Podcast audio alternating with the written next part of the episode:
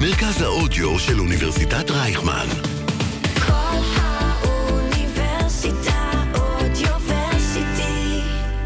היום בחמוצים נתחיל בלדבר על ההווה ממש עכשיו, על אה, חברת החשמל וההחלטה המעניינת ועל השאלה מהי סולידריות, דתיים מול חילונים או חילונים מול דתיים. נמשיך בלדבר על יום רביעי הקרוב ועל הוועדה מינוי שופטים, ובכלל ככה קצת על ההווה. בחלק השני נעבור למבט על עם סקר חדש שעשתה המעבדה של גלעד, שאומר במשפט, אם הבנתי נכון, אנחנו על קצה המצוק. אבל יהיה בסדר. ובסוף אה, אנחנו נהיה חייבים לגעת באלימות בחברה הערבית. 102 נרצחים לפחות נכון לתחילת התוכנית, מי יודע מה יקרה בסוף. נשאל מה קורה כאשר פופוליסט עם המון סיסמאות יפות או לא יפות מגיע לכס השלטון והכל מתפרק לו בפרצוף. החמוצים מתחילים מיד. החמוצים, המערכת הפוליטית על ספת הפסיכולוג, עם הפרופסור בועז בן דוד והפרופסור גלעד הירשברגר. שלום גלעד. שלום בועז, שלום למאזינות ולמאזינים.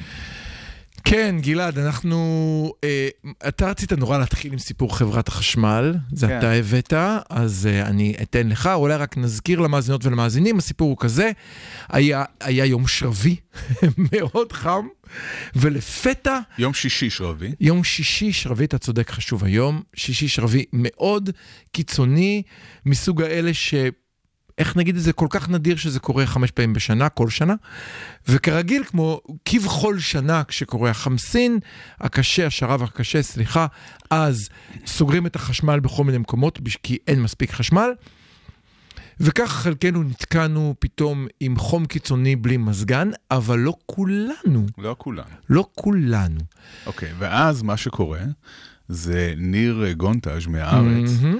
אה, הוא, אה, אה, מי שלא מכיר את המדור, שאני מניח שרוב כדאי השנים כן, הוא, המדור שהוא מין מדור רעיונות כזה, הוא תופס כל מיני אנשים בכלכלייתם בדרך כלל, ו, ו, וכותב רעיון מלא, מילה במילה, ורבטים, בדיוק מה שהיה ב... והוא גם. רעיון מפתיע, זאת אומרת, בעוד שבדרך כלל אתה מתכונן לרעיונות, או שהדוברת או כן, הדובר זה שלך עונה, כאן כן. הוא תופס את הבן אדם בכוח, בטלפון הסלולרי הפרטי שלו, ומציק לו עד שהוא עונה לשאלות. נכון. אז הוא בעצם תופס הפעם את מנכ"ל ח- חברת החשמל, מהמם. וכמו שאתה אומר, מציק לו בעניין הזה של אה, למה אה, החילונים צריכים אה, לסבול ולא לקבל חשמל, כשבגלל אה, אמונות מוזרות של אנשים שחושבים שאלוהים כועס עליהם מהמם. כשהם אה, לוחצים על אה, כפתור בשבת. כן, וקראתי את זה. כן, נראה אם ו- חשבת כמוני. ודעתי לא הייתה נוחה עם מ- הרעיון הזה. מגונטאז'. כן, כן, כן. אז אני- אנחנו, שיט, אנחנו באותה דעה, זה לא טוב. כן. אמרנו ביחד, לא נכון. טוב. אנחנו באותה קיוויתי דעה. להתקיל אותך דווקא, לא, אבל- אני- נכון. אני לא הסכמתי עם זה נורא- הוא נורא עצבן אותי. אבל- אני חשבתי שזה שיקול דעת- לחשוב, שיקול גרם- דעת נכון. כן, נכון, אני גם חושב. בוא- בוא נסביר אולי. אבל כאן אה, זה גרם לי להבין שיש לנו בעיה יותר גדולה מחשמל ביום אה, חמסין. יש לנו בעיה של סולידריות. של חוסר קשב. של לצד, סולידריות, קודם לצד. כל, של סולידריות בסיסית. למה אני מתכוון? במדינה בוא, בוא, נורמלית... נסביר, בוא נסביר אולי רגע, שנייה, רגע, אני עוצר אותך שנייה אחת. ההחלטה הייתה, אני, אני מתנצל, למי שפספס, ההחלטה הייתה אה, לא, לא להוריד את השלטר ביישובים דתיים מהתפיסה הבאה, מאחר וזה נעשה בשבת, והם משתמשים בכל מאחר מיני... זה נעשה לפני כניסת השבת, מהמם. ומה שעלול לקרות זה שהחשמל יחזור עם כניסת השבת, או אחרי שהשבת נכנסת, מהמם. זה בעצם אה, יותיר את הציבור הדתי במצב שבו הוא לא יכול להדליק מזגנים, לא יכול להדליק אה, מי חמים, לא יכול פלטת שבת, לא יכול את כל הדברים שהם זקוקים להם בשביל לעבור את השבת. עכשיו כאן זה מגיע בדיוק לסולידריות. אוקיי. בחברה סולידרית נורמלית, כן. שבה אנחנו מכבדים אחד את השני, מהמם. אז גם אנשים חילונים יכולים לבוא ולהגיד, אוקיי, בסדר, זה, יש כאן משהו די סביר. זאת אומרת, אני, אם אה, החשמל אה, לא יעבוד במשך שעה בערב אה, שבת, ואחר כך יחזור, אז, אז יהיה לי קצת חם שעה, אבל אז אני אוכל להדליק את המזגן, ואני אוכל להשתמש בכל מוצרי החשמל שאני רוצה, כי אני מהמם. חילוני, זה לא, מהמם. לא מפריע לי. אבל אדם דתי, השעה הזאת, שהיא בדיוק בכניסת השבת, יכולה לגמרי אה, לאמלל לו את השבת, כן? זה אומר מהמם. ששבת שלמה, שחם ו- ומוכרחים מזגנים, אה, הוא לא יוכל... אה, הוא גם לא יוכל לבשל, הוא לא לא יוכל יוכל לב- לאכול, יש נכון, אלף אחד יש- דברים שנמנעים ש- מאדם. כן, נכון. כן. אז בחברה סולידרית, מהמם. אה, דבר כזה היה אמור להיות מובן מאליו. זאת אומרת, ההתחשבות הקטנה הבסיסית הזאת הייתה... היא לא קטנה, אבל כן. היא התחשבות, היא התחשבות לא גדולה. זו התחשבות שבאמת אה, מצופה מאיתנו להתחשב באנשים ש... אה, אמרתי לך. דעתי אינה נוחה מגונטאז' ואני כן. חושב שניתן לעשות התחשבות, אבל אל תקל- ראש בהתחשבות. לא, זו התחשבות משמעותית למצוא את עצמך ארבע. שעות בלי מזגן, נכון. כשאתה רואה את השכן שלך עם מזגן רק כי הוא דתי. זה, אני יכול להבין מאוד את הכאב, אני גם חושב על ה... לגמרי, לגמרי. אני גם חושב על הדבר הדומה בצבא, כשאתה אומר למה בו מתחשבים ובי לא. כן. אבל למה זה קורה? אנחנו לא תמיד היינו כאלה. זה קורה בגלל שהיחסים בין אה, הכעס, דתיים לחילונים... אתה שואל למה הכעס קורה. כן. היחסים בין דתיים לחילונים אה, הם. מהמם. אה, יש ממש תחושה של איבה ושל אה, שנאה, אה, שיש כל מיני דברים שמתדלקים אותה. רק לאחרונה אנחנו שמענו על אה, אישה בטבריה שמאמללים את חייה בגלל שהיא אה, לובשת אה, מכנסיים, לא עלינו. או על הג'ימבורי בשוהם. ה- זה לא בשוהם, זה בחריש. בחריש, הג'ימבורי סליחה, אני בחריש. תמיד מתבלבל בין שני זה מאוד- היישובים. מאוד שונה, כן, כן, חריש כן, ושוהם. אתה צודק, אתה כן. צודק, אתה צודק. אה. הג'ימבורי בחריש, נכון, זאת אומרת, אנחנו נתקלים בחוסר סובלנות מאוד קיצוני של אה, דתיים כלפי אורח החיים החילוני, שגורם לזה שחילונים באמת פחות אה, מוכנים לעשות את הוויתורים האלה. למה לעצור שם? בוא נוסיף גם את, ה, את הישיבות שמוקמות בלב מקום חילוני בתוך מטרה להרביץ תורה בתל... בילדיהם כן. של האנשים. אומרת, כאן- יש כאן מהלך שמסביר את ה- האנטי. הישיבות האלה, הגרעינים התורניים, כן. זאת נקודה מאוד חשובה. כי חברה סובלנית, כמו שהחברה התל אביבית רוצה להיות, חברה סובלנית היא חברה שמקבלת גם אנשים שונים. זאת אומרת, חברה סובלנית היא לא חברה שאומרת אה, אנשים עם אה, כיפות סרוגות, או כיפות שחורות, או כיפות לי, לי, יש לא גרעין, יכולים... לי יש גרעין כזה בשכונה. שנייה. כבר, מ, כן, מ, כן. יש לי גרעין תורני בשכונה.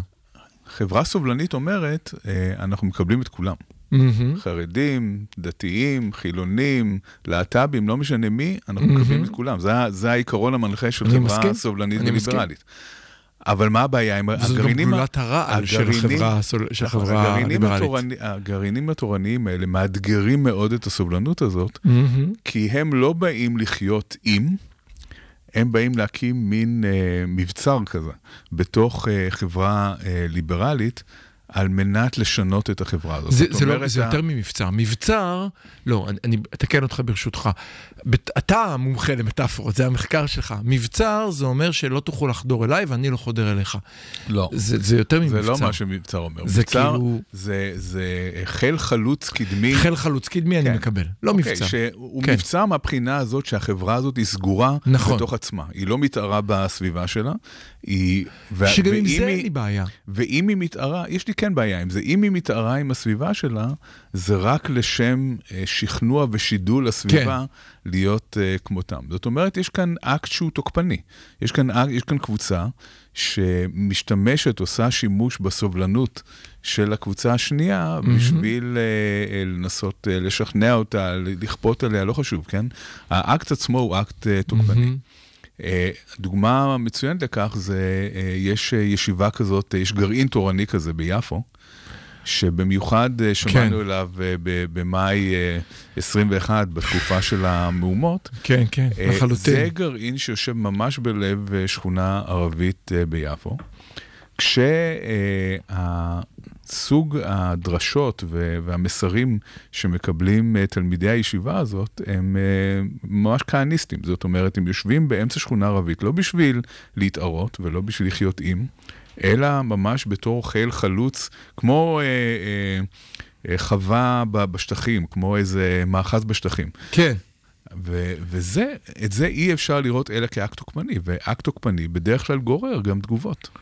למה זה, בוא, בוא, אני רוצה דווקא לעצור על זה שנייה אחת. אז שנינו, בצורה איומה ונוראה לתוכנית, שנינו מסכימים שלהתחשב באדם דתי זה התחשבות נכונה, גם אם אנחנו חושבים שהאמונה באל דמיוני היא אמונה שאולי זרה לנו, אבל להתחשב באדם אחר ולסבול ארבע שעות זה דבר לגיטימי, כל עוד אנחנו מצפים מאותו אדם להתחשב גם בנו. נכון. גם בדברים המוזרים שלנו. ברגע, ברגע שזה חד סטרי, בדיוק. אז יש בעיה. זאת אומרת, ברגע שאותם האנשים מצד אחד דורשים, את, ה. דורשים את החשמל ביום שישי, אבל אה, תוקפים אה, להט"בים ותוקפים רפורמים ותוקפים כל דבר שהוא שונה מהם, אז אה, הסובלנות לא יכולה להיות חד סטרית. זאת אומרת, אנחנו, אבל אני אפילו, אתה קראת לזה סובלנות, אני לא בטוח שהמילה היא סובלנות. אתה אמרת בהתחלה מילה טובה יותר. ואני חושב שאמרת סולידריות, ואני רוצה רגע להתעכב על המילה הזאת. אני חושב ש... אמ, הייתי באחרונה אה, בהרצאה של אחד הסטודנטים שדווקא למד אצלכם החברתיים, ודיבר על, על מהו הפופוליזם. אנחנו נחזור לזה בחלק השלישי. ובהגדרות הפופוליזם, אחת ההגדר- ההגדרה הבסיסית היא החלוקה של החברה. נכון? תקן אם אני טועה, צריך לחלק את החברה לשתי קבוצות.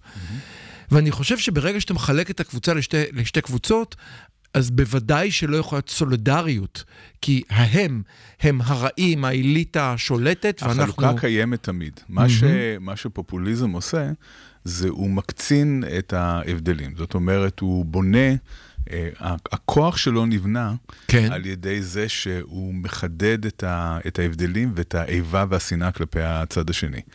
אה, כלומר, תרחיב, משתמש בהבדלים שממילא קיימים, אני ואתה לא דומים, כי אתה חובש כיפה ואני לא, אבל, זה, אבל אנחנו עדיין יכולים לעבוד ביחד, לחיות ביחד, לשרת ביחד בצבא, שעדיין ישחקו בגינה, עד ש... תראה, יש מנהיג אוקיי. שיבוא ויאמר, אה, היו בחירות, מהמם. הייתה יריבות ביני לבין הצד השני, אבל עכשיו אני ניצחתי, ואני ראש הממשלה של כולם. הוא אומר את זה כל בחירות, ויש- לדעתי, 24 שנה. ויש אה, מנהיג, כן, אבל אני אעזוב כן. את האמירה עצמה, אני מדבר על, על מה ברור. שהוא מבטא. יש ברור. מנהיגים שבאמת מבטאים שאני עכשיו המנהיג של כולם. היו בחירות, בסדר, יש הבדלים, אבל עכשיו באמת אני כאן בשביל לשרת את כל הציבור כולו.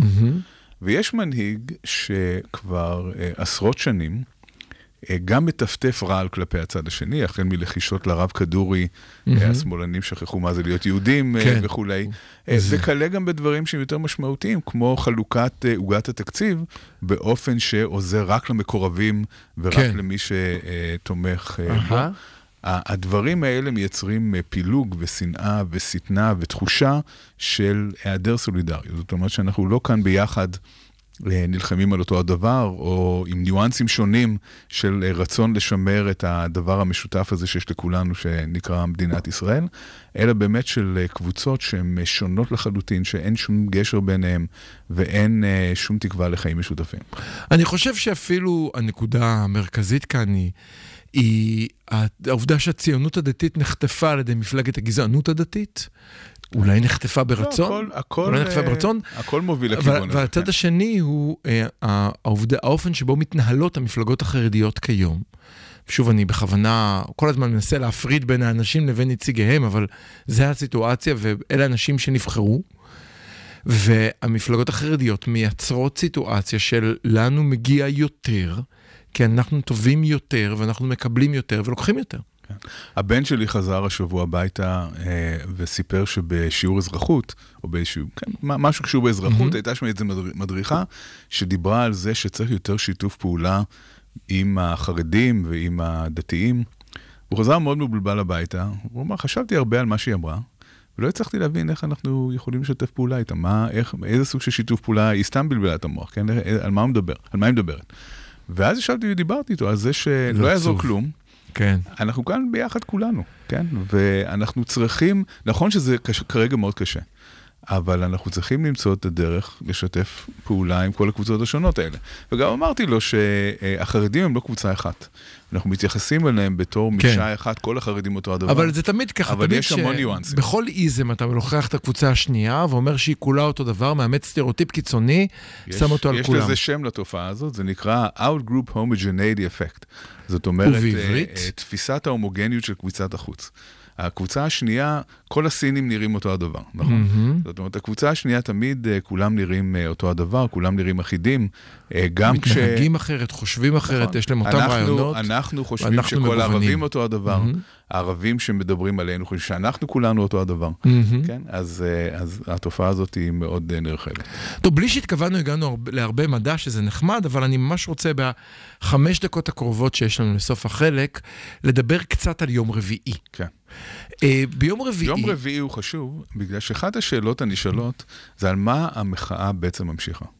כן, למה אנחנו ממשיכים למחות? בסופו של דבר, לשם הגעת. די, די אפשר אוקיי. להגיד שניצחנו, כן? רוב הדברים ירדו מהפרק, רוב הדברים, רוב האיומים שהיו בתחילת הדרך די הוסרו. אני רואה אקדח על השולחן, ואני לא יכול אקדח- להירגע האקדח כשאקדח על הופך השולחן. להיות נראה יותר ויותר מפלסטיק. הסיכוי שילחצו על ההדק שלו הוא מאוד קטן, אבל יש איום אחד בדרך, והאיום הזה הוא ביום רביעי, וזה הוועדה למינוי שופטים. אם- איום אחד אם מיני צולחים- רבים. אם צולחים, אני לא מסכים. אני חושב שאם צולחים את הוועדה למינוי שופטים, מהמם. אני חושב שרוב הסכנה מאחורינו.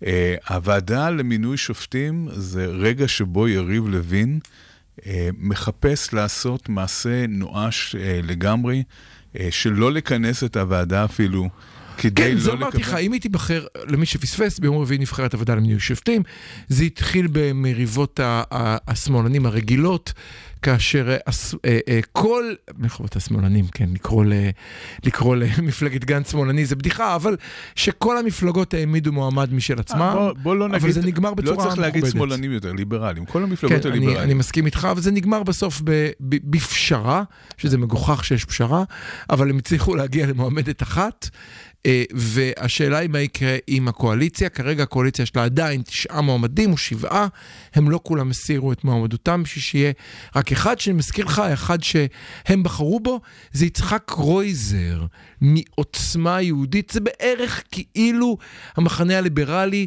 היה הולך לבל"ד. אה, והם מוצאים משם אה, נכון. מועמד.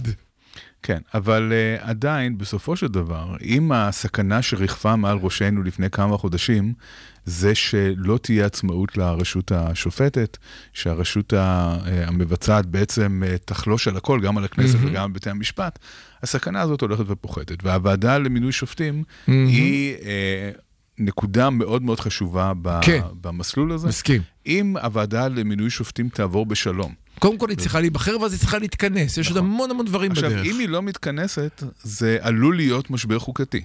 כן. בגלל שאם היא לא מתכנסת, בג"ץ יכול לכפות עליה להתכנס. הוא יכול לכפות עליה להתכנס בלי יריב לוין. הוא יכול לכפות אפילו על אה, נתניהו לפטר את יריב לוין. כן, היו דברים מעולם, זה לא משהו שלא קרה בעבר. אני לא אה, מאמין להזכיר שהם לך מסוגלים לעשות את זה אה, היום. נכון, השאלה היא כמה אה, בית המשפט היום יש לו את האומץ לעשות מה שהוא עשה בשנות ה-90. ואני חושב... להזכירך, כן. בשנות ה-90 אילצו את רבין לפטר את אה, דרעי. אני רוצה להגיד לך אבל משהו, אני חושב שכאן, כאן אני חושב שיש מקום למחאה, ואני אומר את זה בכאב, כי הייתי מת לקבל פטורים מהמחאה, לפחות לחודש אם אפשר. אה, כי אני חושב שגם בית המשפט העליון, זאת אומרת, ברור שראש הממשלה מסתכל על, על הציבור, ושגם בג"ץ וכל ערכאות בתי המשפט מסתכלות גם על הציבור. ואם החוויה היא שאין יותר מחאה והכל נרגע ואנחנו סומכים על הממשלה והכל בסדר, אין מצב שמישהו יעז להכריח את יריב לוין לכנס את הוועדה במידה והיא בכלל תיבחר ביום רביעי. אני, אני חושב, אני חושב שאחרי 23 שבועות, 23 שבועות של מחאה, נכון? אנחנו בשבוע 23. מי זוכר? מי סופר, כן? כן, 24. אחרי מחאה Mhm. כל כך ארוכה, כל כך נרחבת, כל כך Mhm. משמעותית, אני חושב שאף אחד כבר לא חושב שהציבור הליברלי יישב בשקט. אני חושב שאנשים מבינים, אני לא חושב, אני חושב שהציבור הזה הוכיח את הנחישות שלו, הוכיח את המוכנות שלו להילחם.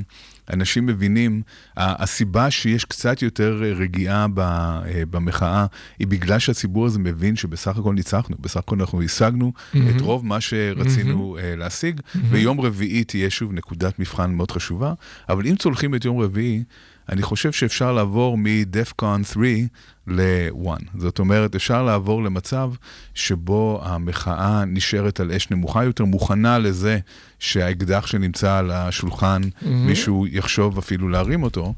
אבל אה, אני לא מסכים למשל עם אה, ברק שמדבר כרגע על אה, מרי אזרחי, אני חושב שזה לא, לא בקונטקסט הנכון, זה, אנחנו, אנחנו נמצאים במקום הפוך, שדווקא הצלחנו. לא צריך כרגע להגביר את הלהבות של אה, משהו שמצליח, לאיתו לגמרי אה, למסמס את ההפיכה המשטרית. אז אני אנצל את השלושים שניות שלי בלהגיד משהו דומה אבל קצת אחר. אם אתה מדבר על צבא, ולזה המטאפורות שהשתמשת בה, צבא צריך להיות מוכן לכל איום ולא להפסיק להתאמן. לגמרי. אני חושב שלכן המחאה יכולה להוריד הילוך. זאת אומרת, אפשר לשחרר את אנשי המילואים כמו שקרה להם שקמה. נכון. אבל אי אפשר לוותר על כך שנמשיך לרדוף אחרי השרים בכל מקום, שנמשיך להופיע בכל מוצאי שבת, לא צריך חצי מיליון איש מוצאי שבת. נכון. אבל אי אפשר לוותר כי אנחנו חייבים לשמור על מוכנות ליום פקודה, כי ברגע שאין לנו מוכנות ליום פקודה, אנחנו נמצא את עצמנו כמו הפולנים.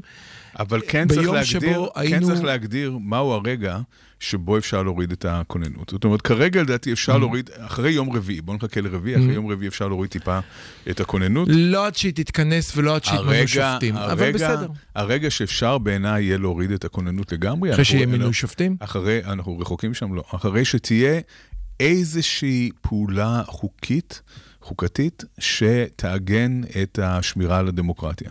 אפשר לקרוא לזה חוקה רזה. הלוואי. ידידיה שטרן כתב הלוואי. אה, רעיון של חוקה רזה. הוא אמר, אי אפשר, אי אפשר כן. חוקה משמע, ממשית, כן, כן, משמעותית. כן.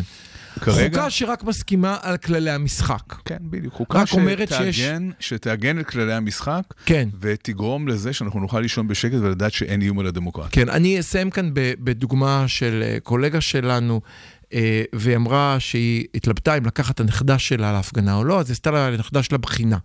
היא אמרה לה, את מבינה מה זה עילת הסבירות? היא אמרה לה, כן. ואני אגיד, היא אמרה, את שמה לא חשוב משמע, נקרא לה נניח נעמה. היא אמרה, אם החוק אומר שנעמה לא יכולה לטוס לחו"ל, או כשכל מי שקוראים לה נעמה לא יכולה לטוס לחו"ל, זה יכול לבוא בכנסת ברוב, אבל זה לא סביר. ואם זה יקרה, זה לא פייר. אמר לה, אם כך, את יכולה לבוא להפגנה כי הבנת מה עילת הסבירות. אין לנו מעוגן, לא מעוגן לנו בשום חוקה האפשרות למנוע מחר מכל הגלעדים ומכל הבועזים ללכת להצביע. נכון. וזה הדבר אז שאת כן, צריך להסכים. כן צריך להגדיר מהו, מהי הנקודה שרוצים להגיע אליה, ונקודה שאחריה באמת אפשר לחזור הביתה וללכת לסרט במוצאי שבת ולא לקפלן. אני חושב שאנחנו רחוקים מסרט מוצאי שבת, כן. אבל אנחנו עם העיניים ליום רביעי יוצאים לשיר כבר חוזרים. כל האוניברסיטה. כל האוניברסיטה, מרכז האודיו של אוניברסיטת רייכמן. החמוצים, המערכת הפוליטית על ספת הפסיכולוג, עם הפרופסור בועז בן דוד והפרופסור גלעד הירשברגר. אוקיי, הגענו לחלק השני של uh, התוכנית, שבה גלעד הבטיח לנו סקר מרגש, טרי, ממש, הוא הוציא אותו, אתם לא מבינים, יש לו כאן דפים טריים, ממש יצאו רגע ממכונת הדפוס. קדימה גלעד, תפתיע אותנו.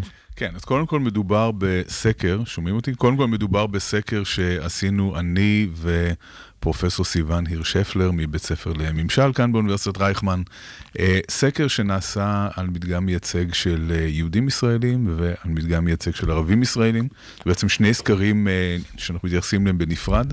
כי כמובן שיש הבדלים אה, משמעותיים בין יהודים לערבים. קודם כל סחטיין עליך שאתה לא עשית, כמו כולנו, סקר על סטודנטים שנה א'. לא, זה לא, זה לא סקר. כן, לא אני סקר. יודע, אני צוחק. כן, אנחנו מדברים כאן על אה, מדגם מייצג של ישראלים. אוקיי. זאת אומרת, סקר שמשקף את החברה הישראלית. אוקיי. אה, לגבי יהודים ישראלים, כמה דברים אה, מעניינים. אחת השאלות שכל הזמן אה, עולות על הפרק. מתי הוא היא- נעשה? רק סליחה על השאלה. ממש עכשיו, במאי. אה, אוקיי. כן. אה, לגבי יהודים ישראלים, אחד הדברים המעניינים שבכל השאלות שנוגעות לרפורמה, אנחנו ממש רואים חברה חלוקה. זאת אומרת, אנחנו רואים שפחות או יותר חצי תומכים, חצי מתנגדים, חצי חוש- חושבים שהרפורמה היא סכנה לדמוקרטיה, חצי לא, חצי חושבים שהרפורמה היא הפיכה משטרית וחצי לא. זאת אומרת, בקרב יהודים הדברים מאוד חלוקים. אבל זה בקרב ערבים- 50-50? איכשהו קיוויתי שיש פחות לא- מ-50 שתומכים זה לא בדיוק 50-50, בגלל שמה בהפיכה. שקורה שיש המון באמצע שלא יודעים. אבל אם אתה יכול לדעת את מסתכלים... המספרים? כן. אני סקרן נורא. אני אני סקרן כי כאילו...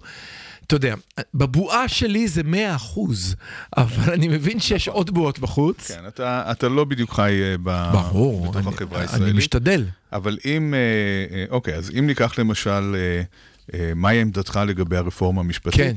היו שלוש אפשרויות, בעד, נגד ולא יודע, לא בטוח. אותי מעניין כמה אז- לא יודע יש, כן. אז לא יודע, יש 17 אחוז בערך, יש 16.8 אחוז. מהמם. בעד 41 אחוז ונגד 42 אחוז. זאת אומרת, ממש חצי-חצי, ואם וואו. טעות הדגימה, זה חצי-חצי, כן? זאת אומרת, הקרב שלנו על ה-17 אחוז. רגע, אבל אם שואלים למשל שאלה, הרפורמה המשפטית היא הפיכה שלטונית? כן. אז מה שרואים זה שהרוב, 37 אחוז נמצאים איפשהו באמצע, הם לא ממש אה, סגורים על עצמם. אבל אה, לא, אנשים שחושבים שהיא לא הפיכה שלטונית זה 31 אחוז, וגם כן 31 אחוז. שוב, שוב אה, יש כאן חלוקה. מה זה? זה לא יאומן. כן. כן, תשמע, אתה שוב, כמו שאמרתי, אתה לא אה, ממש לא, חי לא, ב- לא, לא, בישראל. אני, אני לא על זה התכוונתי, מה שמפתיע אותי, קודם כל אני משתדל, אני, אני גר איפה שנוח לי, זה חלק מהעניין. שוב אבל- אותו הדבר אבל, לגבי אבל השאלה. הבעד ונגד מה שמעניין, שהיית מצפה שאתה שואל הפיכה משטרית, ואם ש- 40 אחוז כמעט נמצאים באמצע, שהרוב יגידו, די, הגזמתם, זה לא הפיכה משטרית, אבל אתה רואה, לא. לא. חצי, 30, 30, ממש על הדבר, הקו. אותו הדבר לגבי השאלה, מעניין. עוד, דבר- אותו הדבר לגבי השאלה אם הדמוקרטיה הישראלית נמצאת בסכנה. סכנה, כן. שוב, אלה שהם קצת, שהם באמצע שלא ממש סגורים על עצמם, 38 אחוז, ו-30 אחוז מכל צד אומרים שכן או לא. כן, אז, אז, אה, אז שוב הקרב ושוב, שלנו על 38% מהציבור הישראלי, זה מצב אפילו יותר טוב ממה שחשבתי. כל אחד יכול לראות את זה איך שהוא רוצה. לא, למה? סליחה, אני חושב- שליש מהיהודים בישראל כן. עדיין לא גיבשו דעה על הנושא הזה, מה זה שאומר... לא אומר שהם לא גיבשו דעה, זה אומר, זה אומר שהם איפשהו באמצע, זאת אומרת, הם אה, לא סגורים לעצמם עד הסוף. אבל, אבל זה אומר, מאחר ואנחנו יודעים בהצבעה לכנסת שאנחנו לא הרוב, כן. זאת אומרת שאנשים, יש לא מעט אנשים שהצביעו לכיוון אחד, שנמצאים היום איפשהו על הגדר, כן. וניתן להעביר אותם את הגדר בעבודה טובה. כן. אם אתה מוסיף לזה את הציבור הערבי, אוקיי. בציבור הערבי הנושא הזה הוא חד וחלק ואין בו בכלל... אה, תפתיע אותי. אין, אצל, אצל הערבים, הרוב המוחלט, 90 ומשהו אחוז, חושבים שזה הפיכה משטרית, חושבים שזה סכנה לדמוקרטיה, חושבים, כן? זאת אומרת, אין כמעט שונות בציבור הערבי. זה ממש אה, עמודה אחת אה, ארוכה של, אה, של דעה אחת לגבי ה... למה? אני חושב שהם מרגישים מאוד מאוימים. אנחנו, אוקיי. גם, אנחנו גם אה, רואים את זה בסקר, כן? יש, אוקיי. אה, לא, רק, לא רק הם, גם הציבור היהודי, אבל למשל חלק מהשאלות ששאלנו אה, לגבי ההפיכה המשטרית, לגבי כן. ה, כן, ההפיכה אני, המשטרית. עד עכשיו אני אופטימי, אה, 37 אחוז באמצע, אני אופטימי. מרגיש, אני מרגיש שהזהות שלי נמצאת תחת איום, או שלא אוכל להמשיך לחיות כאן. אז בציבור הישראלי זה מעל 60 אחוזים שמרגישים ככה. בציבור הערבי זה מגיע ל-80-90 אחוז. שהזהות שלי באיום 60 אחוז? כן. 68 אחוז בקרב היהודים. אני, אני חייב לעצור אותך שנייה אחת, תעזור לי, תעזור לי. בוא, תעזור לי. 68 אחוז מרגישים שהזהות שלהם באיום. כן. אם אני עושה מתמטיקה, אז 31 שאמרו שזה הפיכה משטרית, וה-37 שבאמצע מייצרים מ-68. אז או הבעיה שתגיד לי שלך, שיש חיתוך. הבעיה שלך זה שאתה שמאלני. או, זהו, רציתי לשאול אותך, או שתגיד לי, בוודאי. שבמקום לתקוף, תיתן לי לסיים את השאלה, בוא. החלטנו היום בלי מניח- תקיפה. אתה לא, לא, לא, מניח- אני שאלתי, האם זה המצב, או שבקרב אלה שאומרים שזה לא הפיכה משטרית והם בעד, ה, ה, איך שלא תקרא לזה, הם גם חשים שהזהות שלהם באיום. אנשים שתומכים ברפורמה המשפטית, חלק גדול מאוד מהם מרגישים שהזהות שלהם תחת איום. זהות שלהם באיום. בוודאי. מה זה זהות? הם- בגלל זה... הזהות היהודית. הז- הזהות היהודית, הזהות הדתית. ברור, ברור, כן? ברור. הם, תראה, התיאוריה שהם אה, מונחים על פיה, מהמם, היא שבג"ץ, שזה סניף של אה, מרץ, מהמם. השתלט על המדינה ולא כן. מאפשר לממשלה למשול. אוקיי. ובגלל שהם שמאלנים, בוגדים וכולי, אני קצת מקצין כמובן ואומר את זה בציניות, למה אתה מקצין? זה שלט כזה על בית ראש ממשלה. כן. אני זוכר אותו, הפגנתי מולו. הם, אה, הם מרגישים שזה מהווה איום על המדינה, שזה איום על הזהות שלהם, אוקיי. בהחלט. אוקיי. ולכן הם גם אה, מרגישים את אותו הדבר שאתה מרגיש, אבל מכיוון אחר. אני חושש שלא אוכל להמשיך לחיות כאן, 63 אחוז, בקרב, הערב- בקרב הערבים זה 80 ומשהו אחוז. אני מרגיש לא, שאנחנו... דווקא זה יכול להישמע אופטימי גם ה- למפלגה מסוימת. קדימה, קחו טרנספר, מה העניין? אני מדבר כאן על יהודים. לא, אמרת ש-80% מהערבים. אה, מערבים, כן. נו, נכון. מה הבעיה? אני מרגיש שאנחנו על סף תהום, 71 אחוז מהיהודים מרגישים ככה, אה, כמעט 90 אחוז מהערבים מרגישים רגע, רגע, אני- עכשיו אני סקרן. מה-71% שמרגישים שאנחנו על סף תהום, כן. איך הם מחולקים לחלוקה הקודמת? גם, זה, אני לא יודע להגיד לך בדיוק את המספרים, אבל uh, יש שילוב אה, גדול של חצי שני- חצי או יותר... זה אה, לא, זה לא בדיוק חצי-חצי, אבל זה חלק גדול מה, אה, מתומכי הרפורמה גם מרגישים ככה.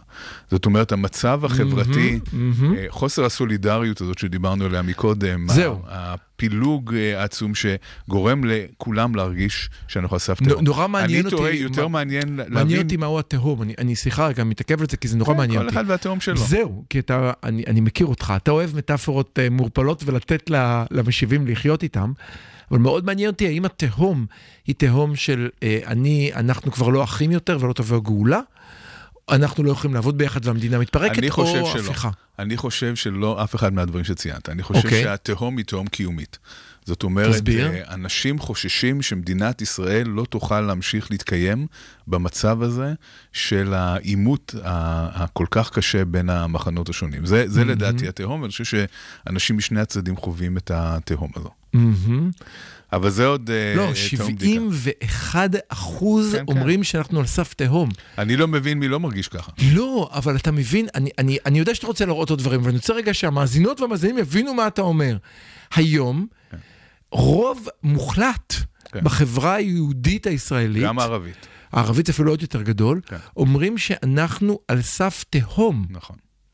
אבל האתנחתא הקומית בסקר הזה, זה בשאלה הבאה, האם יהיה בסדר? אני חושב שכל החששות יתבדו והכל יהיה בסדר. אני חושב שכל החששות יתבדו והכל יהיה בסדר. בזה תומכים 88% מהיהודים. נפלתי פה אחורה, סליחה, על המיקרופון. ו- וגם אה, אה, 80 ומשהו אחוז מהערבים, בוא נראה, בערבים זה, זה 84 אחוז, זה דומה, כן, אחוז דומה. אז אני רוצה רגע אומרת- להבין, 72 אחוז אומרים אנחנו סף תהום, אבל 90 אחוז אומרים יהיה אקונה מטאטה. כן. עכשיו בוא, בוא נסביר את זה רגע, אוקיי? זה מצחיק, אבל... לא, זה לא אבל, מצחיק, אה, זה זה אנושי. אבל זו נקודה אנחנו מאוד חשובה. פסיכולוגים, לא? נכון, כן. זו נקודה מאוד חשובה בפסיכולוגיה של אה, עם ישראל, מסתבר אה, שגם היהודי וגם הערבי. כן. איך אפשר להסביר טוב, את כולם זה? אומרים שהפלסטינים הם הכי זאת- יהודים שיש מקרב הערבים, חיים איתנו מספיק יש, שנים. יש בישראל, אחד הדברים שמחזיקים את המדינה הזאת כבר הרבה מאוד שנים, זה מנטליות היהיה בסדר. אתה זוכר מה רבין אמר עליה? זאת אומרת, מצד אחד יש איומים, והמצב נורא מדאיג, ונורא מפחיד, ואנחנו על סף תהום, והדמוקרטיה הולכת, ואולי אני רוצה להגר מפה, אבל בתוך תוכי, איפשהו פנימה, אני מרגיש שאיכשהו, לא יודע איך, אני לא מבין בדיוק איך זה יקרה, אבל דברים יסתדרו, וזה יהיה בסדר, וזה מה שמאפשר לנו להמשיך לחיות כאן. הסיבה שאתה כאן כרגע, כן. זה בגלל שגם אתה איפשהו, כן, אתה צוחק כן, מזה, אבל כן, אתה לא, גם מאמין אה, בזה. בוודאי. אחרת, אחרת כבר אחרת לא הייתי היינו פה. כאן, נכון? כן. אחרת לא אני ולא אתה, לא היינו כאן. אז כן. הפסיכולוגיה של יהיה בסדר, יש לה כוח עצום. לא ניתן לתאר כמה, כמה כוח יש לדבר הזה, כן? לאמונה הכמעט עיוורת הזאת, שלא מתבססת על שום נתון אמיתי, רק מתוך איזושהי תחושת בטן, מתוך, אה, אה, כן, אנחנו, אנחנו מאמינים שאיכשהו בסוף, לא, לא יודעים איך, אבל בסוף הכל יסתדר ויהיה בסדר. אז אני, אני, אני רוצה רגע לסכם את כל מה שאמרת ו- ונמשיך לדוש בזה. אז תהיה איתי רגע, תגיד לי איפה אני טועה. מהדברים שאמרת לי, אנחנו רואים את הדבר הבא. בעד ונגד אה, הרפורמה או ההפיכה, אנחנו על המספר 40 אחוז, 40 אחוז, מדויק, כאשר אני מעגל ברשותך, ו-20 אחוז נמצאים באמצע, שזה, ה-20 אחוז באמצע נורא מעניין אותי, כי היית מצפה שאחרי 24 שבועות של כתישה, כל אחד כבר תהיה לו עמדה ברורה על הנושא, ויש לך 20 אחוז שאומרים, אין לי עמדה בקרב היהודים. עזוב את הערבים, שהבנו שהערבים... זה לא כל כך הבינו. מפתיע, זה לא כל כך מפתיע. אוקיי. על שאלה האם זה הפיכה משטרית או סכנה לדמוקרטיה, אנחנו מגיעים ל-40 אחוז שאומרים אני לא בטוח שאני מבין מה קורה, מה שאותי מאוד מעודד, כי זה אומר בהכרח שחלק נכבד מהאנשים שהצביעו לקואליציה הנוכחית, חלק נכבד, כן. אה, הם, נמצאים יש, יש על סימן הגדר. שאלה מעל ה... נמצאים על הגדר ואומרים, אני, אני בעד שלטון, אני נגד ערבים, אני בעד ביבי, אבל אני לא מרגיש בנוח עם הסיפור שקורה כאן עכשיו. הסחף שראינו בסקרי דעת הקהל, מהמם. הם מאוד מתיישב עם הממצאים האלה, כן? זאת אומרת, הרבה מאוד אנשים שהצביעו לקואליציה, יש להם אה, איזושהי אי נוחות לפחות לגבי מה שקורה. הם לא אומרים, הם לא אומרים אה, היידה להפיכה. מהמם. זאת אומרת, אני, אני, אני, כמו שאמרת, אני לא אוהב את בג"ץ, ואני חושב שבג"ץ זה מרץ, וכל מיני כאלה, והיידה ביבי, ונמאס מהגזענות, ונמאס מכם, אבל משהו מרגיש לי בבטן לא טוב, 40 אחוז באמצע זה המון. נכון. זה המון. זאת אומרת שיש לנו כאן פוטנציאל להגיע, להגיע לרוב שמבין שזו הפיכה משטרית, בעיניי זה נפלא. ואז, אה, האם אני מרגיש שהזהות שלי מאוימת, או אני נמצא על סף תהום, אנחנו ב-70 אחוז, שאומרים שאנחנו ממש רואים את המצוק, וחושבים שניפול ממנו, אבל 90 אחוז אומרים שיהיה בסדר. אומרים שיהיה בסדר, ואני כן. מת לדעת אם ה... אם ה... זאת אומרת, מי הם העשרה, אני רוצה לדעת מי הם עשרה אחוז האלה. מי הם עשרה אחוז רואי השחורות? אתה יודע מי הם? לא, לא ניתחת. אז אני אסתכל בשבילך, אני אבדוק אה, מי אני. סקרן מי הם העשרה אחוז האלה שאומרים, בועז, למה אתה עדיין כאן? אתה מה... אתה זוכר את הניידים והנייחים של אותו אחד? אתה מהניידים, אתה יכול לקום מחר ולעזוב, למה לא עזבת? העשרה אחוז האלה הם כנראה הישראלים שהעבירו 26 מיליארד שקלים כן. לחו"ל, כן. ועשו קופה לא קטנה בחודשים האחרונים. עם, עם צניחת השקל, כן, אנחנו... אוקיי. מה, מה הנקודה? יש לך איזה אוקיי, נקודת יש, סיום? יש כאן עוד, יש מלא, מלא. אני לא, אני לא, אה, אה, לא אכנס לכל, ה, אה, לכל הפרטים, יש כמה דברים מעניינים לגבי הס- הסכסוך הישראלי-פלסטיני. עוד פעם כל- אתה? די, עוד פעם, לא נמאס לא, מהכיבוש. ח- חייבים, חייבים. ואני השמאלני, נו תמשיך. אה, אתה יודע, הכיבוש זה הפיל שבק- שבקפלן, זה הכיבוש, שושקה. אה, א' ק', כן, אוקיי, כן. אוקיי, אז קודם כל, אה, באיזה מידה אתה מתעניין בסכסוך הישראלי-פלסטיני? סקרנת. אוקיי? תנחש. איזה אחוז ישראלי מתעניין בסכסוך הישראלי-פלסטיני? אני חושב שאחוז קטן מאוד. איזה? תגיד. איזה אחוז, אני אשאל אותך אחרת, איזה אחוז אומר, לא מעניין אותי? איזה אחוז לא מעניין אותי? אני חושב שאנחנו ברוב. אנחנו 70, 80, 70? אוקיי, אז אתה קצת הגזמת, אבל אנחנו ב-64 אחוזים. אה, 70, 64, לא יודע. כן. לא כזה כן. רחוק, נכון. כן. רק 10 אחוז אה, מתעניינים ממש בסכסוך, עשרה אחוז מתעניינים בסכסוך. כן. יהודים, יהודים, כן. אוקיי? אה, אז... אני חושב שאני מכיר את כולם. כן, נכון. לא, האמת היא שאתה לא מכיר את כולם, אני כי אגיד לך כי למה. רוב- חלקם זה ימנים לא מתנחלים. רובם, רובם. רובם זה כן. מתנחלים שמתעניינים בנושא כשמסתכלים, על מי הם האנשים שמתעניינים בסכסוך, זה רוב. ימנים.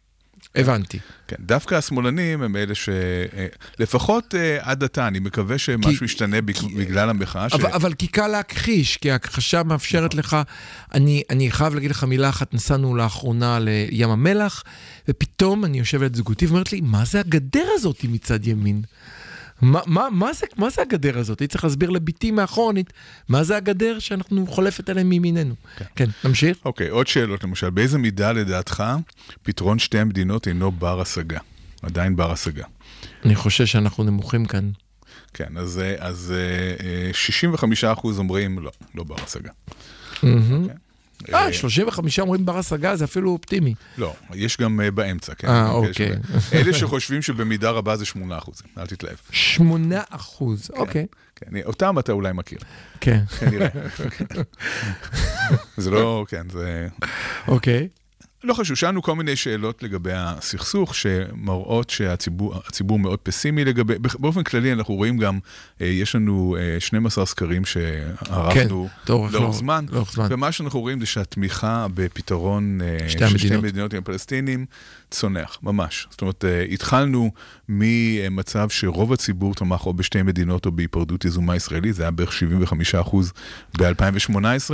רק שרון יביא שלום, נתניהו עושים שלום והיום- בטוח, זה היה הסיסמאות. היום, אני מדבר על 2018, לא כל כך רחוק. אוקיי.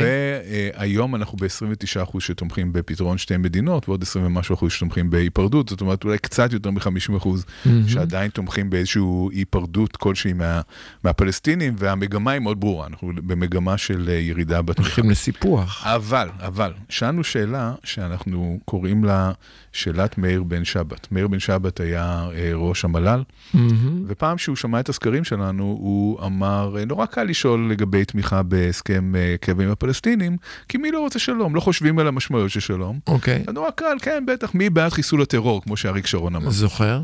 אז החלטנו לשאול שאלת מאיר בן שבת. שאלנו את הדבר הבא, מה אתה מעדיף? סיפוח השטחים ואובדן הרוב היהודי והזהות היהודית והדמוקרטית של המדינה, או נסיגה מהשטחים והתגברות הטרור והאיום הביטחוני. הרעיון כאן. הרעיון כאן זה להעמיד אחד מול השני שתי האופציות עם המחירים. שלא יגידו שאנחנו כן, לא... אבל, אתה- אבל יש אופציות באמצע, אבל בסדר. לגמרי, אנחנו לקחנו את הקיצוני. כן, לקחנו את הכי... אמרנו, בוא נניח שאם יוצאים מהשטחים, בטוח יש טרור ו... ואיום ביטחוני. כן. ואם נשארים בשטחים, אז אנחנו מאבדים את הרוב היהודי. זה, זה אגב, אה, זה כן ודאי. כן. אלא אם כן אתה משאיר אותם אנשים נ- נטולי אזרחות. אוקיי, כשאתה עדיין בלי רוב יהודי, גם אם הם בלי אזרחות. אוקיי. 54% מעדיפים לסגת מהשטחים ושיתגבר הטרור על פני הישארות בשטחים ואובדן הזהות. זאת אומרת, כאשר אתה מעמיד את הציבור הישראלי בפני הדילמה האמיתית שאנחנו ניצבים בפניה, זה משנה את התמונה. פתאום אנשים אומרים, אוקיי, במקרה כזה אנחנו מעדיפים שיהיה איום ביטחוני על פני אובדן הזהות של המדינה. אה, גלעד, אני חושב ש... בעיניי, בעיניי השאלה הזאת היא שאלה סופר חשובה, שיש לה השלכות מאוד חשובות, גם מבחינת הדרך שבה מעבירים את המסר הזה לציבור, והיא ממחישה את הטעות הגדולה של השמאל עד היום. השמאל עד היום החביא את המחיר. ולא צריך להחביא את המחיר, צריך להפך, לשים אותו על השולחן, להגיד, כן, יכול להיות שיהיה יותר טרור, אבל זה עדיף מאובדן הזהות היהודית. אנחנו כאן נעצור שנייה. נעצור שנייה אחת, נעבור לשיר, ובחלק האחרון... בועז בהלם. אה, לא, אני, אני לא בהלם, אני, זה אפילו... לא יודע, הרוח האופטימית שנושבת ממך, קשה לי איתה, אני לא רגיל לזה. נעבור לשיר ואז נדבר על ערבים. כל האוניברסיטה, מרכז האודיו של אוניברסיטת רייכמן. החמוצים, המערכת הפוליטית על ספת הפסיכולוג, עם הפרופסור בועז בן דוד והפרופסור גלעד הירשברגר. היי גלעד, אה, הגענו לדבר על ערבים, הדבר שאסור לדבר עליו. אה, אנחנו אה, ב- 102, אבל זה נכון לתחילת התוכנית, לא בדקתי ב- באינטרנט, יכול להיות ש... מאה ומשהו, מי סופר? לא, זה, זה לא יאומן. זה, זה נהיה... כל פעם אתה אומר, הגענו לשיא, ואז יש את החמישה ביום, ואז נהיו שישה, זה נהיה... זה לא יאומן, אין אז יש שום... כאן, יש כאן כמה שאלות. שצריך לשאול לגבי זה. כן, השאלה הראשונה שצריך לשאול, Mhm. זה למה זה קורה מלכתחילה? זאת אומרת, למה בחברה הערבית יש כל כך יש יותר הרבה אלימות. כן. לא- ו- והאם אה, יש מקבילה לאלימות הזאת בחברות אחרות ש- של Mhm. אה, מיעוט ורוב? אה, השאלה השנייה שצריך לשאול זה מה קורה דווקא עכשיו. למה דווקא עכשיו זה מסתכלים, מדבר? אם כן. מסתכלים על ציר הזמן, מה שרואים זה שהייתה עלייה באלימות, היא קצת יותר, הייתה יותר מדורגת באלימות בחברה הערבית, הייתה צניחה ב, אה, באלימות במשך אה, תקופה מסוימת. ירידה, לא צניחה. זה ירידה משמעותית. כן. זה, לא, זה ירידה של איזה 16 אחוז, זה ירידה כן, משמעותית. כן. זה, זה לא סתם ירידה, זה מסכים, ירידה מאוד משמעותית. מסכים, מסכים. אם מסתכלים על הגרף, ממש רואים בליפ כן, כזה של נכון, ירידה, נכון, נכון, מכיר את הגרף? ופתאום עכשיו יש אה, זינוק. אז השאלה היא מה קרה. אוקיי. האם זה משהו מקרי, או שאפשר להסביר את זה באיזשהו אופן? אה, אתה יודע, אני, אני לא מאמין, אם אני, זה היה אני מקרי, לא אני היינו לא כאן. מאמין במקריות, כן. אם, אם זה היה מקרי, לא היינו כאן. אה, אז נתחיל קודם כל מהשאלה לא, הראשונה. וגם יש ראיות משני הצדדים, זאת אומרת, לו הייתה רק עלייה עכשיו ולא הייתה ירידה קודם, דיינו. כן. לו הייתה ירידה קודם ולא עלייה עכשיו, דיינו. אם קודם הייתה ירידה ועכשיו יש עלייה, זה כבר שתי ראיות שתומכות באותה תיאוריה. כן, יש כאן משהו. כן, אה, כן, אז השאלה הראשונה היא, למה יש כל כך הרבה אלימות בחברה הערבית? כן, הסבר אחד, שאנחנו שומעים אותו כל הזמן, זה שערבים אלימים. זו התרבות שלהם. זאת התרבות שלהם, הם חיות אדם, הם אוהבים לרצוח אחד הש- את השני, זה לא קשור אלינו, לנו אין הרבה מה לעשות חוץ מלנסות אולי לעצור את זה בצורה כזו או אחרת. תיאוריה א'. תיאוריה שנייה אומרת שקורה משהו בחברות שיש רוב ומיעוט, במיוחד אה, מיעוט שמרגיש שהוא אה, אה, מדוכא, שהוא מופלה, כן. שמייצר את האלימות הזאת. עכשיו, אפשר אוקיי. לראות ב- גם במקומות אחרים בעולם, למשל שחורים בארצות הברית, היספנים בארצות הברית במידה מסוימת, אה, אפשר לראות גם שם שיש אלימות יותר גדולה בקרב קבוצת המיעוט.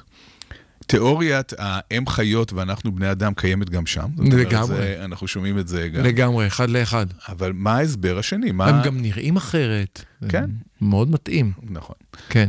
אה, הם גם עניים יותר. כן, בארצות הברית יש ממש, גם בארץ, בארצות הברית יש אסוציאציה מאוד מאוד חזקה, רואים את זה במחקרים, שבין אה, גברים אה, שחורים במיוחד לבין אלימות. זאת אומרת, כן. אם מקרינים אפילו באופן כן, תת-ציפי, כן. באופן מאוד מהיר, אני תמונה של גבר שחור, משתמש בזה. זה כן. גורם לאנשים אה, להרגיש יותר אלימות, אה, אהה. רמות הקורטיזול בגוף שלהם עולות, אה, כל מיני הם גם מזהים, מראים שאם אתה מראה תמונה ומיד אחר כך משהו לא ברור אם זה אקדח או לא אקדח, אם זה גבר שחור, מזהים תמיד שזה אקדח, אם זה אישה לבנה, ברור שזה פחית כן. קולה. כן.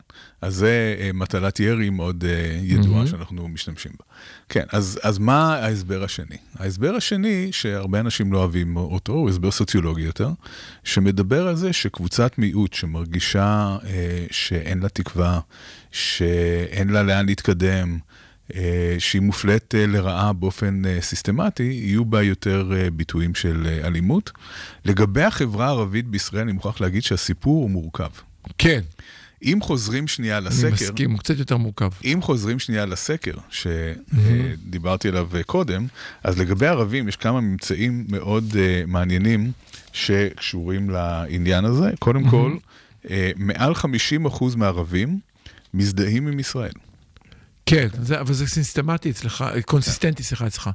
אני חושב כבר כמה סקרים אצלך, כן. אתה מראה ש... אבל לא רק אצלי, ערבים מזדהים המספרים. אצלי הם נמוכים יותר מאשר במכון הישראלי לדמוקרטיה. אוקיי. אה, כאן 44 אחוז גאים או גאים מאוד להיות ישראלים אצלנו. כן, זה אחוזים מאוד אה, מאוד משמעותיים. משמעותי. במכון הישראלי לדמוקרטיה הם מגיעים בחלק מהסקרים ל-60-70 אחוז. כן, אוקיי. כן. זאת אומרת שיש כאן אה, קבוצה, קודם כל שהיא לא הומוגנית, זה צריך להבין, הערבים בישראל הם מאוד לא הומוגנים, יש קבוצות שונות בקרבם. אתה יודע, אני חייב לגלות לך סוד. גיליתי את זה לאחרונה, אבל אני איזה סקופ לחמוצים. גם היהודים בישראל, גם היהודים. הם לא קבוצה הומוגנית. נכון. יש כאלה שתומכים ביבי, מתנגדים לביבי, זה נכון. כאילו מעניין. נכון. אז קודם כל, אבל בחברה הערבית אה, אפשר לראות ממש סוג של אה, פיצול בין הישראלים לפלסטינים. זאת אומרת, אלה שמרגישים יותר ישראלים, בין אם זה מסיבות תועלתניות או מסיבות של הזדהות, לבין אלה אני מניח שזה שמרגישים יותר קשור גם מנוכרים. למעמד סוציו-אקונומי. זה קשור במידה מסוימת למעמד mm-hmm. סוציו-אקונומי, אבל לא באופן שאתה חושב. אה. אה, לפעמים דווקא האליטה האינטלקטואלית היא יותר פלסטינית. מעניין. כן, זה מורכב, בקיצור, הסיפור שם הוא מורכב, יש שם קבוצות שונות, זה קשור בהאם אתה גר בעיר מעורבת או בעיר לא מעורבת, אוקיי. האם אתה בפלג הצפוני או בפלג הדרומי, יש שם כל מיני קבוצות שונות, אם אתה בדואי או לא בדואי, כן, ברור. יש שם, יש שם המון קבוצות אה, נוצרים, שונות. מוסלמי עם- כמובן, גם משנה. זה בכלל, כן, נוצרים כמובן מיעוט קטן, אז אני פחות, אוקיי. אה, מתייחס, אה, פחות נתייחס אליהם, אבל אה, אנחנו רואים שבה, שהחברה הערבית היא מורכבת. אה, החברה הערבית, בגלל גם הסכסוך הישראלי-פלסטיני, יש אה, משמעות לכוח שיטור ישראלי שנכנס לתוך החברה הערבית. מהמם. אז חלק מה, מהבעיה בלטפל באלימות בחברה הערבית היא, היא עצם המשמעות, גם אחרי מהומות 2000 ו, וכל מה שקרה אז, להכניס ימ"מ או שוטרים, או עכשיו פתאום מדברים על שב"כ, לתוך... אה, אה, יואו, כן, לא לא דיברנו על זה. עזוב זה שב"כ. מייצר- לת- לתת זה יכול לייצר יותר בעיות לתת מלפתור. לאיתמר בן גביר לעשות מעצר מנהלי. כן, אה, הוא הוצ- יצא עכשיו אה, הצעת חוק שהוא יכול לעצור מנהלית לחצי שנה את מי שהוא רוצה. כן, אני, אני רק רוצה לדעת מתי זה עובר כי בשביל אני, להכין... אני לא יודע מה איתך, אני כבר הכנתי תיק קטן עם תחתונים ומברשת שיניים ליד הדלת. יש לי הרגשה שאני לפניך בתור, אבל אוקיי, טוב. בוא, אל תשוויץ, אני, אנחנו נראה. אה, בכל מקרה, אה, אם אנחנו שוב מסתכלים על השאלה של אה, למה זה קורה, ולמה אוקיי. זה קורה אה, דווקא עכשיו, אז נורא מעניין להשוות בין שני שרים לביטחון לאומי. אחד. המורחב, איתמר בן גביר, והשני הרגיל, שזה היה עומר בר-לב. כמה ירדנו על עומר בר-לב, יואו, אני מכה על חטא. עומר, גם אני בדיוק לא, לא, רציתי להגיד. תרשה לי רק, אני רוצה, אם המ- אם המאזין לנו עומר בר-לב, כן, ירדנו עליך שנה, סליחה. סליחה ומחילה בשמי לגמרי. ובשם הרדיו והחמוצים נכון. והמחנה לא הליברלי בישראל. הבנו, לא הבנו. פספסנו, טעינו, כן, חטאנו, חטאנו, פשענו. חטאנו בפניך, כן. אנא, לקראת יום כן. הכיפורים המגיע, רחם עלינו. תוותר לנו, כן. כן, אה, הסיבה, הסיבה אבל שירדנו על עומר בר-לב, וכאן זה נורא מעניין, עומר בר-לב, אם מסתכלים אחורה על, ה, על הכהונה שלו, יחד עם סגלוביץ', יש לומר. אז, כן, אז רואים אה, דבר אחד, רואים שמבחינה פוליטית תקשורתית, הוא היה קטסטרופה. משבר על שתיים, טעויות כן, אני, רק, אינסופיות. רק אה, כמה דוגמאות של אה, דברים שעומר בר-לב אה, אמר. הוא, הוא פעם אחת שהיה איזשהו אירוע, אמר ליבי עם המשפחות, עם משפחות הנופלים, לא היו נופלים.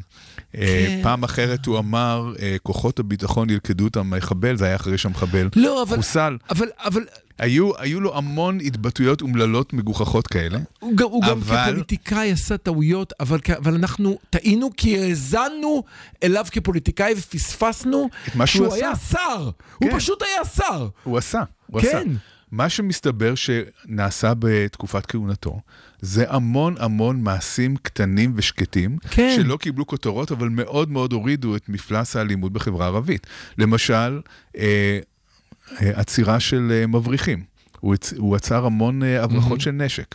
אה, היו אה, אה, מעצרים של אנשים שהיו מעורבים באלימות. סולחות קטנות שאנחנו פתאום שומעים עליהם שנעשו פה המון משאים ושם. ומתנים בתוך החברה הערבית, כן. של סולחות קטנות, כמו שאתה אומר, כן. שיח מתמיד עם המנהיגים השונים בתוך החברה. כל הפעולות הקטנות האלה שהן לא עושות כותרות. אף אחד לא דיווח עליהן אף פעם, לא עשו כותרות, אבל הועילו. זה, ו- וכאן זה מוביל להבדל. זה, זאת אומרת, הוא, הוא נכשל בטיקטוק וניצח אה, בהיותו שר, נכון. וזה ההפך מהשר הנוכחי. נכון, אבל זה אחד הדברים העצובים בפוליטיקה בכלל, ובפוליטיקה הישראלית בפרט, כן. שהמנהיג הפופוליסט לעולם יגבר על המנהיג שיודע את העבודה, אבל לא יודע לשבת מול מיקרופון. וה, ו, וכאן אנחנו רואים את זה בצורה החריפה ביותר. בן גביר, בכל מערכת הבחירות שלו, דיבר דיבר, דברי רהב.